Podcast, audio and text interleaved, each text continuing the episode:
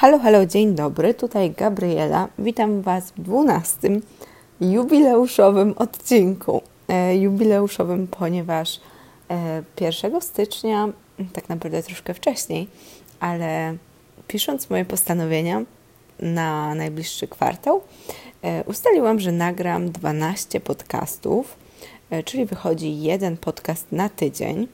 Mm, Było 13 tygodni przez pierwsze 3 miesiące tego roku. W jednym tygodniu podcast nie wyszedł, także dokładnie dziś nagrywam 12 odcinek. Bardzo się z tego powodu cieszę.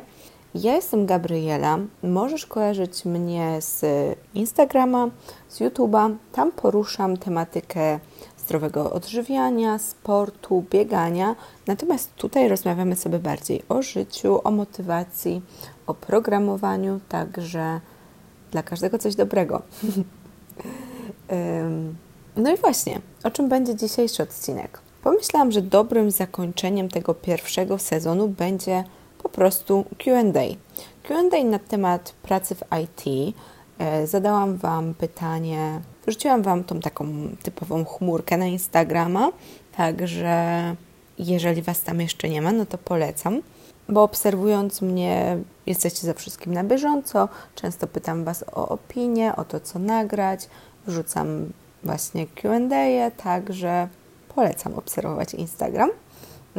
Wracając na ziemię, wrzuciłam Wam chmurkę, w której mogliście zadawać mi pytania na temat pracy w IT. Pytań było dość sporo i myślę, że podzielimy sobie to w ten sposób, że dzisiaj opowiem Wam stricte o pracy, a pytania na temat studiów informatycznych będę omijać i możemy zrobić taki osobny QA na ten temat, bo myślę, że dla młodszych osób może to być całkiem ciekawe przy wyborze studiów albo dla starszych osób, które chcą się nawrócić, przebranżowić, kto wie, kto wie. Także myślę, że po prostu poruszymy sobie w oddzielnym odcinku, a dzisiaj o pracy. Będę lecieć po kolei, na pewno nie zdążę odpowiedzieć na wszystko, ale postaram się uwzględnić te pytania, które pojawiały się najczęściej i są według mnie najciekawsze. Kolejność będzie dość losowa, także mam nadzieję, że mimo wszystko będzie Wam się przyjemnie tego słuchało. Pierwsze pytanie. Zacznijmy tak dość lajtowo, a potem przejdziemy do bardziej konkretnych pytań. Jaki Mac Air starcza Ci na programowanie? Jesteś fanką Apple? Tak, jestem fanką Apple. Jeżeli chodzi o programowanie, to ja prywatnie mam MacBooka Air, to prawda, i na studiach byłam w stanie na nim programować, ponieważ te projekty były bardzo małe. My mieliśmy dużo zadań programistycznych, dużo takich drobnych rzeczy, więc nie miałam z tym problemu. Poza tym on był wtedy też nowszy, bo ja mój laptop mam już, słuchajcie, 6 lat, także bardzo długo, ale programując poważne rzeczy, nie jakieś zabawne algorytmy i małe projekciki, no to uważam, że MacBook Air to jest za słaby komputer i musi to być MacBook Pro jednak. Bardzo polecam. Co jeszcze mogę Wam powiedzieć? Ogólnie na początku studiów było mi trudno. iOS jest bardzo podobny do Linuxa, a mało kto z programistów pracuje na Windowsie. Raczej wszyscy siedzą na Linuxie, więc to nie jest duży przeskok z Linuxa na systemy Macowe, ale jednak są pewne różnice. I na początku na studiach było mi ciężko z tego powodu, że mało kto miał MacBooka. Więc jeżeli była jakakolwiek różnica względem tego, co robiliśmy, no to ja musiałam sobie sama szukać tego w sieci.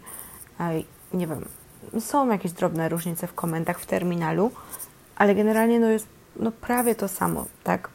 Także już w takim normalnym, dorosłym życiu i dorosłym programowaniu to w ogóle no wszyscy u mnie w pracy programują na Macach. W większości dużych firm programuje się na Macach, więc jakby jak najbardziej polecam. No tyle ostrzegam jedynie co, no to na studiach na początku możecie być tacy odosobnieni, że wszyscy będą mieć właśnie komputery z Linuxem i nie będziecie mieli kogo spytać o pomoc, ale poza tym MacBooki 100% tak.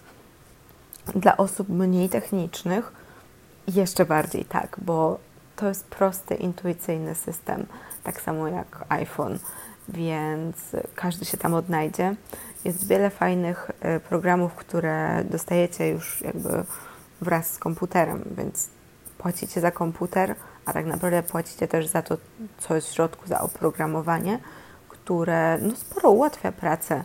Jeżeli chodzi nawet o przerabianie filmów, to program na poziomie iMovie, który na Maca jest darmowy, na Windowsa czy Linuxa kosztuje sporo kasy, więc coś za coś, naprawdę.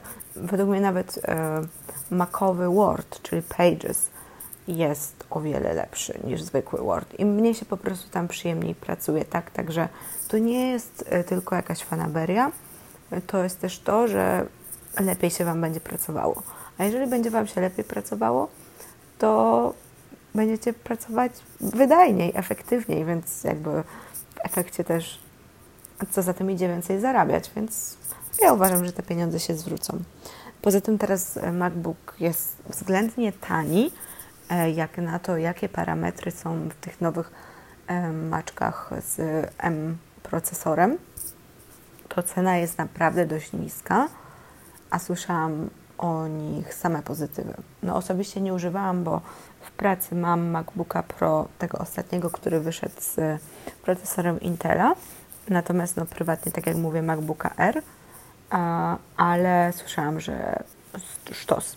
No, sam fakt, że ja mam mój e, laptop 6 lat, tak, i całe studia na nim pociągnęłam, coś y, mówi o tym sprzęcie. No i tak, jestem troszeczkę więźniem Apple'a, bo poza tym mam też iPada, miałam kilka iPodów. E, to jest mój obecnie piąty iPhone i mam AirPodsy i nic więcej nie potrzebuję, no może poza wymianą laptopa. Mm, no i kiedyś w przyszłości telefonu. Nie mam Apple Watcha, mimo że dostałam Apple Watcha z firmy, dostawaliśmy, gdy Qualtrics wchodził na giełdę, to dałam go mojej mamie, bo zegarka używam Garmina. Garmin jest lepszy pod kątem sportowym niż Apple Watch i znacznie rzadziej się go ładuje. Także pierwszy raz y, Apple przegrał, ale poza tym wszystko inne mogłabym mieć z Apple'a. Czy faktycznie jest mało kobiet, które zajmują się branżą IT? Tak, y, jest mało kobiet. No, w moim zespole ja jestem aktualnie jedyną dziewczyną, powiedzmy. Do tego jest jeszcze Maja, która jest e, testerem. No także tak naprawdę no to nie jestem jedyną dziewczyną. A jak przychodziłam do firmy, to w ogóle w całej firmie, jeśli się nie mylę, poza mną były trzy dziewczyny, co jest bardzo mało. Potem był duży nacisk na zatrudnianie stricte dziewczyn, no bo jak w firmie było 80 osób, w tym trzy dziewczyny, to trochę robi się taka dysproporcja, no ale kurczę, kiedyś ktoś powiedział, to w sumie kobieta nawet powiedziała, jakaś dyrektorka większej firmy IT, że ona może zatrudniać procentowo tyle kobiet, ile kobiet kończy informatykę względem wszystkich studentów informatyki. Nie wiem, czy rozumiecie, o co mi chodzi. Po prostu, że to nigdy nie będzie 50-50, tak? Nie będzie w firmie mm, połowy kobiet i połowy mężczyzn, ponieważ znacznie mniejszy odsetek kobiet kończy te studia, więc to jest pompowanie po prostu mm, takiej poprawności politycznej na siłę, co mija się z celem. I uważam, że nie prowadzi do niczego dobrego, jest też bardzo szkodliwe dla dziewczyn, bo wyobraźcie sobie, że jesteście zatrudnione do firmy, która wiecie, że prowadzi takie właśnie prokobiece działania, no i potem będziecie się zastanawiać, czy to ja jestem dobra, czy wzięli mnie tylko i wyłącznie ze względu na moją płeć. Według mnie nie powinno tak być. No, po prostu każdy powinien mieć równe szanse i tyle. Wiem, że kobiety przez długi czas były dyskryminowane, ale nie podoba mi się ten trend, żeby teraz w takim razie je faworyzować, nas faworyzować. Ale o tym mogłabym mówić długo i chyba obecnie nie chcę bardziej zgłębiać tego tematu. Może kiedyś. Gdzie można znaleźć dobre kursy programowania, gdzie i jak się tego uczyć? No więc ja skończyłam studia informatyczne na UJ, UJTCS, informatyka analityczna. Także nie jestem najlepszą osobą do mówienia o kursach, które poprowadzą Was od zera do bohatera. No i w ogóle zawsze będę sceptycznie nastawiona do tego typu kursów, bo nie po to 5 lat studiowałam, żeby ktoś to zrobił w miesiąc. I ja przez 5 lat naprawdę się nie obijałam, tylko to było 5 lat bardzo, bardzo ciężkiej pracy, więc nie wyobrażam sobie kursu, który nie wiem, jakim cudem miałby pokryć cały ten materiał. Oczywiście, że są kursy, które pozwolą Wam pracować w IT, pracować jako programiści, programistki, ale to nigdy nie będzie to samo co skończenie studiów. I ja nie wiem, gdzie są takie kursy godne polecenia. Ja mogę polecić e, kursy na Kurserze, mm, Pluralsight i Udacity, ponieważ z tych platform korzystałam. Tyle, że ja tam wchodziłam już mając jakąś wiedzę. Część z tego to była powtórka ze studiów, część uzupełnienie tematów, których nie przerabialiśmy, ale tak, no, nie umiem powiedzieć, ile z tego zrozumiałaby osoba ucząca się od zera. No i to jest też pytanie, e, osoba, jaka osoba, tak? Bo jeżeli ktoś studiował matematykę, to ja myślę, że on z tych kursów będzie rozumieć wszystko. Więc e, zasadnicze pytanie jest wtedy tylko, ile takich kursów ma skończyć i które dokładnie. Ale osoba o zupełnie innym backgroundzie, wyobrażam sobie, że ma jednak spore braki i troszeczkę inaczej rozumuje, więc ja po prostu nie potrafię Wam tutaj doradzić, mm, ponieważ to nie jest moja droga, tak? Jakby ja przeszłam zupełnie inną drogę i mogę mówić spokojnie o tej drodze, ale niekoniecznie o innej. No i tak jak mówię, trzeba zdać sobie sprawę, że w kilka miesięcy nie przeskoczycie tego, co ludzie uczyli się 5 lat. Ale też nie chcę Was zniechęcać, bo e, branża IT i w ogóle ta tematyka jest bardzo szeroka i spokojnie można wybrać sobie jakąś tam mniejszą dziedzinę i nadal pracować w IT bez studiów. Oczywiście, że wtedy nie dostaniecie się do wszystkich Waszych wymarzonych firm, bo wiele wymaga skończenia konkretnych kierunków, ale jest w tym momencie takie zapotrzebowanie na rynku, że na pewno znajdziecie dla siebie jakieś miejsce. To bez dwóch zdań. O tu jest e, ciekawe pytanie, dalej zostając w tej tematyce. Rodzaje prac w IT bez studiów, gdzie najlepiej celować? Właśnie, bo tak, z jednej strony Wam powiedziałam, że nie nadrobicie tego w 5 lat, ale z drugiej strony, no, ta branża jest tak szeroka, że uważam, że każdy znajdzie coś dla siebie raczej nie brałabym się za backend, e, czyli na ludzkie mówiąc, e, to co jest z tyłu i tego nie widać. Prędzej frontend, czyli wiecie, aplikacje, stronki, to co widzicie na stronce, nie to co się dzieje w tle, tylko to co widzicie. Uważam, że łatwiej się nauczyć samemu frontendu, mm, czyli to są właśnie nie chcę oczywiście nikomu umniejszać, ale wydaje mi się, że frontend to jest coś takiego, co bez takiej, mm, bez takiego głębszego zrozumienia, jak to wszystko działa pod spodem, można się nauczyć. No i w zasadzie to nie jest tylko tak, że ja tak uważam, tylko wiem, że jest dużo osób, które zajmuje się frontendem, a wcale nie skończyły studiów informatycznych. Ale też, żeby nie było, że komuś umniejszam, są bardzo mądre osoby zajmujące się frontendem, e, po studiach oczywiście, e, tylko że one wtedy już zajmują się troszeczkę innymi rzeczami, optymalizowaniem, bla, bla, bla, bla i tak dalej, ale jeżeli chodzi o pisanie takich prostych stronek, to myślę, że idzie się tego nauczyć samemu.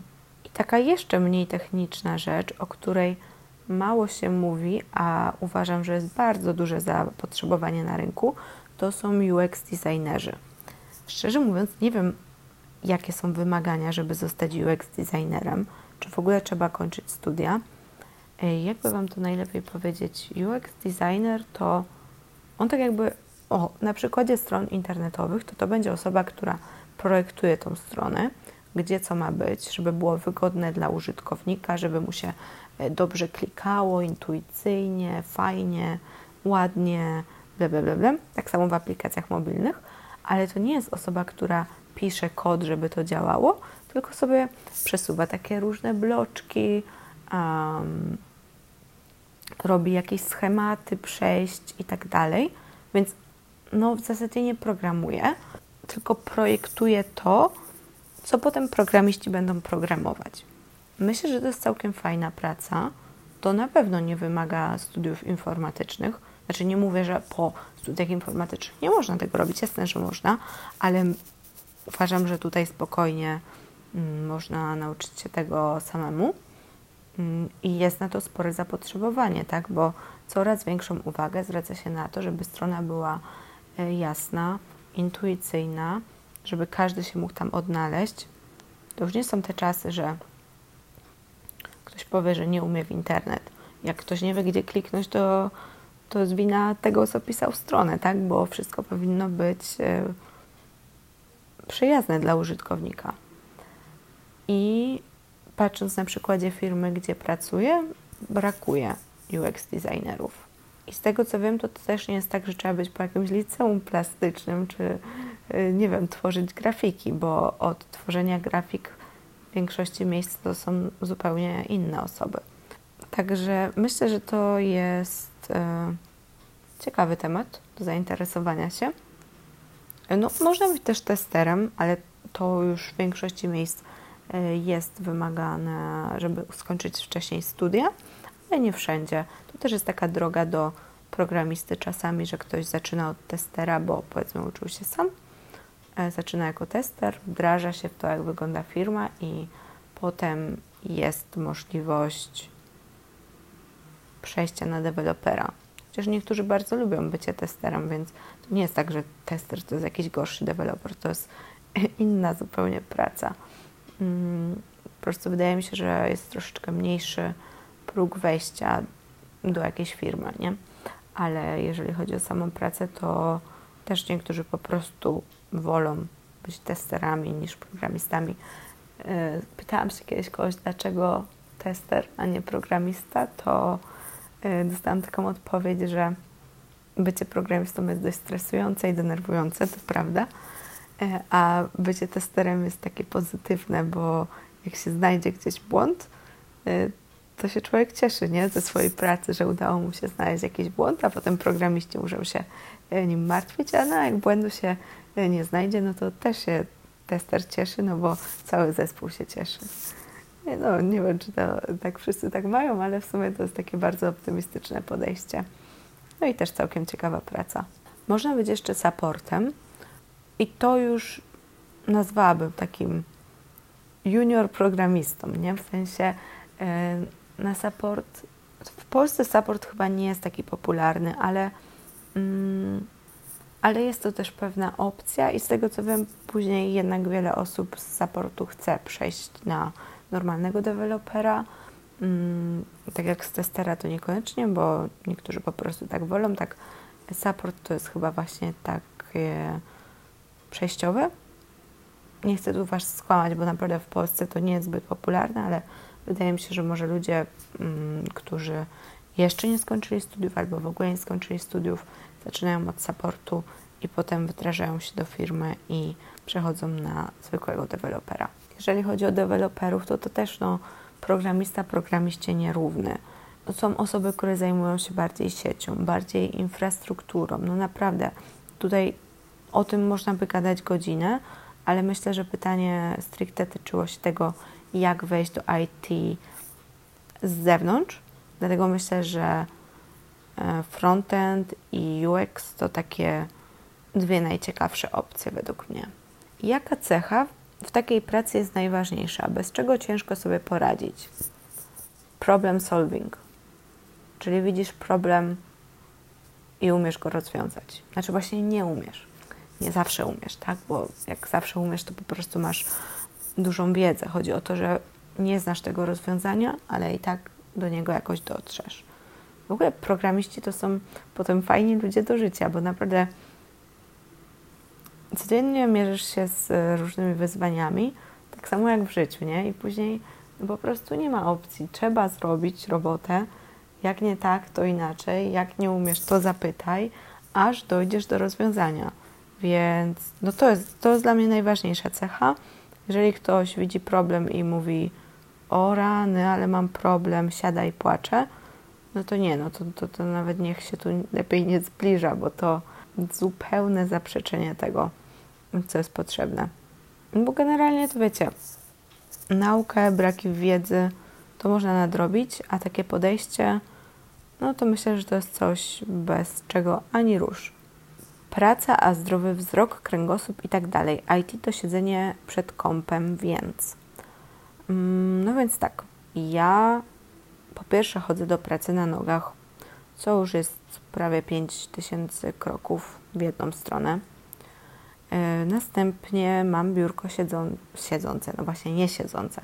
Mam biurko stojące i na ten moment nie wyobrażam sobie pracować na siedząco. I w ogóle to w obecnych czasach większość pracy jest siedzących, więc to nie jest tak, że tylko e, programowanie to jest siedzenie przed kąpem, bo w tym momencie no, większość ludzi cały dzień siedzi przed kąpem, tak, nie ukrywajmy. A właśnie IT jest o tyle fajne, że mm, gwarantuje dość wysoki standard, jeżeli chodzi o miejsce pracy.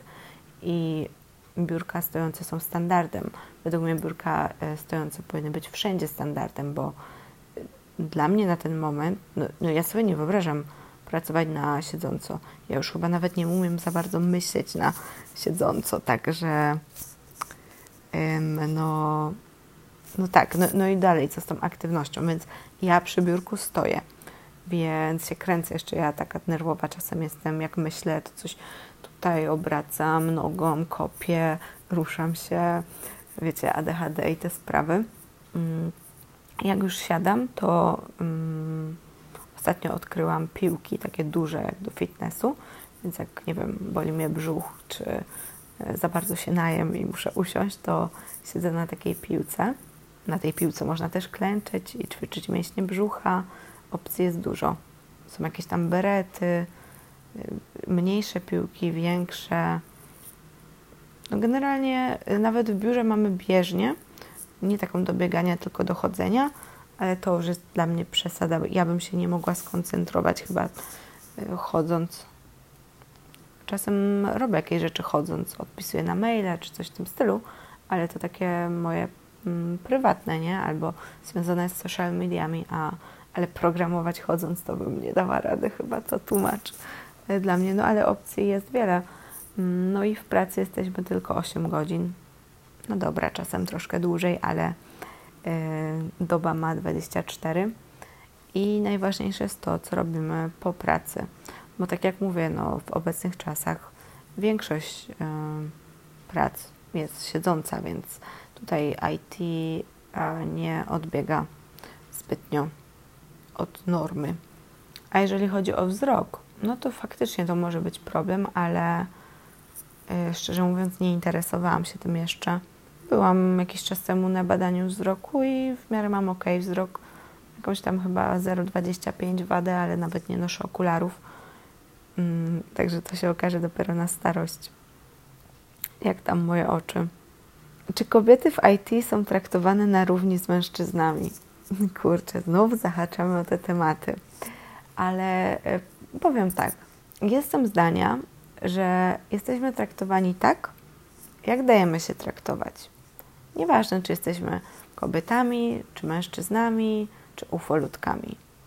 Jak dajesz sobie wejść na głowę, to ludzie będą ci wchodzić na głowę.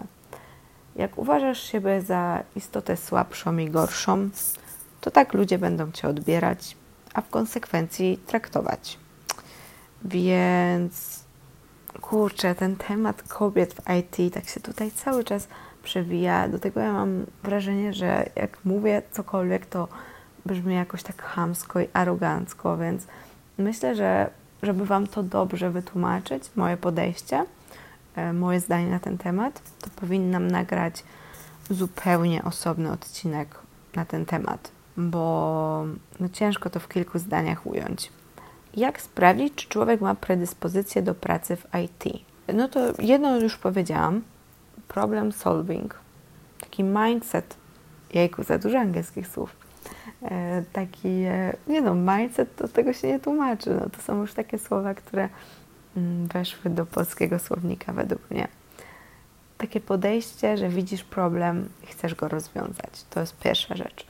E, druga rzecz, no to raczej trzeba robić matematykę. I nie chodzi mi o to, że w każdej gałęzi IT trzeba coś liczyć.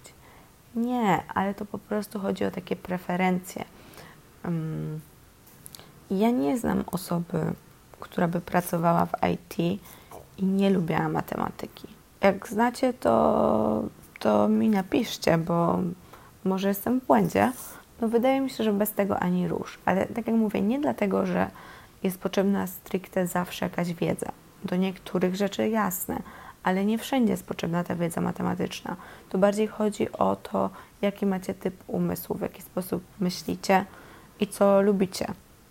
No i poza tym dodałabym chyba jeszcze chęć do nauki i rozwoju, no bo to są takie dziedziny, które zmieniają się tak dynamicznie, że to nie jest coś, czego nauczycie się raz i już jesteście ustawieni do końca życia, że skończycie studia i tyle. Tutaj trzeba cały czas się dokształcać. Znaczy, dokształcać to jest dla mnie takie trochę. Nie chodzi o to, że macie siedzieć w domu po nocach a, i, i nie wiem, czytać jakieś książki, tylko o taką chęć do poznawania świata. Mm, nawet w pracy, nie? Żeby coś sprawdzić, douczyć się, doczytać. To jest bardzo ważne. Tyle, że ja uważam, że w czasach, w których żyjemy, to jest bardzo ważne wszędzie, w każdej branży bo po prostu obecnie wszystko dzieje się tak szybko, że osoby, które chcą nauczyć się zawodu i pozostać z tą wiedzą przez całe życie, no prędzej czy później odpadną na rynku pracy, bo teraz życie jest za szybkie. Trochę spowolniliśmy w niektórych względach przez pandemię, ale w niektórych nie spowolniliśmy wcale. I i dobrze, no ja lubię takie tempo, ja lubię zmiany, więc nie narzekam. Ale tak, taka dygresja. Mówiłam o programowaniu. No ale tak, no, no, no naprawdę, ja uważam, że e, to jest coś, co tyczy się każdej dziedziny. I po prostu skończyły się już te czasy, kiedy można się czegoś nauczyć e, i nie rozwijać dalej. Czy mogę pracować zdalnie? Tak, owszem, pracujemy obecnie zdalnie.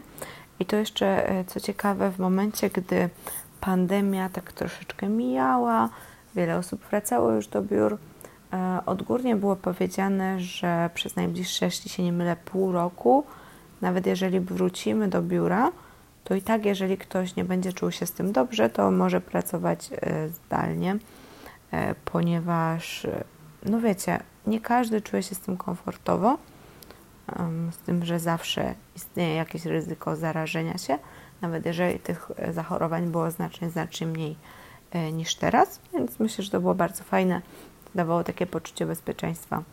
E, ja akurat jestem osobą, co do biura leci pierwsza, ale no nie każdy tak ma, tak? Nie każdy czuje się z tym komfortowo, nie każdy obecnie chce przebywać z dużą ilością osób, więc myślę, że to jest coś bardzo cennego.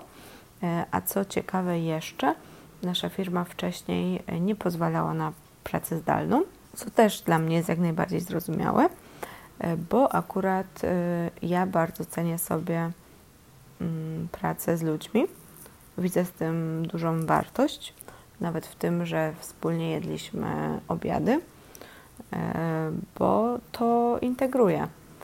I to oczywiście bardzo zależy od tego, w jakim się jest projekcie, czym się konkretnie zajmuje, ale e, obecnie w wielu tych e, dużych firmach programowanie to jest tak naprawdę sport zespołowy. I to jest mega ważne, żeby mieć fajny, zgrany zespół, żeby sobie pomagać, żeby znać siebie dobrze, znać swoje mocne, słabe strony, wiedzieć, kto jest jaki. To bardzo dużo ułatwia. Także to też jest taki straszny steoro, ste, steo, stereotyp? Nie, co ja mówię? Stereotyp, tak? tak. E, że programiści to siedzą w piwnicy i sobie coś tam sami klepią kod. Jasne, są takie osoby, są takie projekty, ale jeżeli chodzi o te duże, szybko rozwijające się firmy, to tam najczęściej mm, są fajne, zgrane zespoły. Dla mnie naprawdę ta praca przypomina bardziej jakąś dre, grę drużynową niż mm, siedzenie samemu w piwnicy. Ale znowu coś uciekłam myślami. Mówiłam o pracy zdalnej, tak, że można i będzie można jeszcze bardzo długo, że kiedyś nie można było. Yy, I myślę, już tak wracając do brzegu, że jak yy, nawet całkowicie wrócimy do tego biura, no to pewnie kilka dni pracy zdalnej zostanie. Tak mi się wydaje. W wielu firmach to już było wcześniej. Ale tak jak mówię, no to też zależy od specyfiki firmy e, i od tego, jak ta praca wygląda, bo ja wiem, że są osoby, które są programistami i tak naprawdę pracują głównie same albo w jakichś małych zespołach. I nawet w obrębie tych zespołów ta praca jest taka bardziej podzielona i tak bardzo ze sobą nie współpracują. Więc to, co mówię, bardzo zależy od firmy ale tak jak jest u nas, mnie się to bardzo podoba. Mm, znacznie to wolę niż być takim, wiecie, wolnym strzelcem. No to każdy musi po prostu zdecydować, co jest dla niego. Ja już powoli wiem, co jest dla mnie, co nie jest dla mnie i zdecydowanie praca w grupie jest dla mnie. I tak jeszcze na chwilę uderzając w temat studiów, no to tego trochę brakuje na uczelniach. Pisze się jakieś tam E, wspólne projekty, ale nie, da, nie ma takiego nacisku na to, a uważam, że to jest właśnie jeden z zawodów, w którym ta praca z ludźmi jest bardziej potrzebna. No dobra, na dzisiaj to już wszystko, bo mówię trochę długo.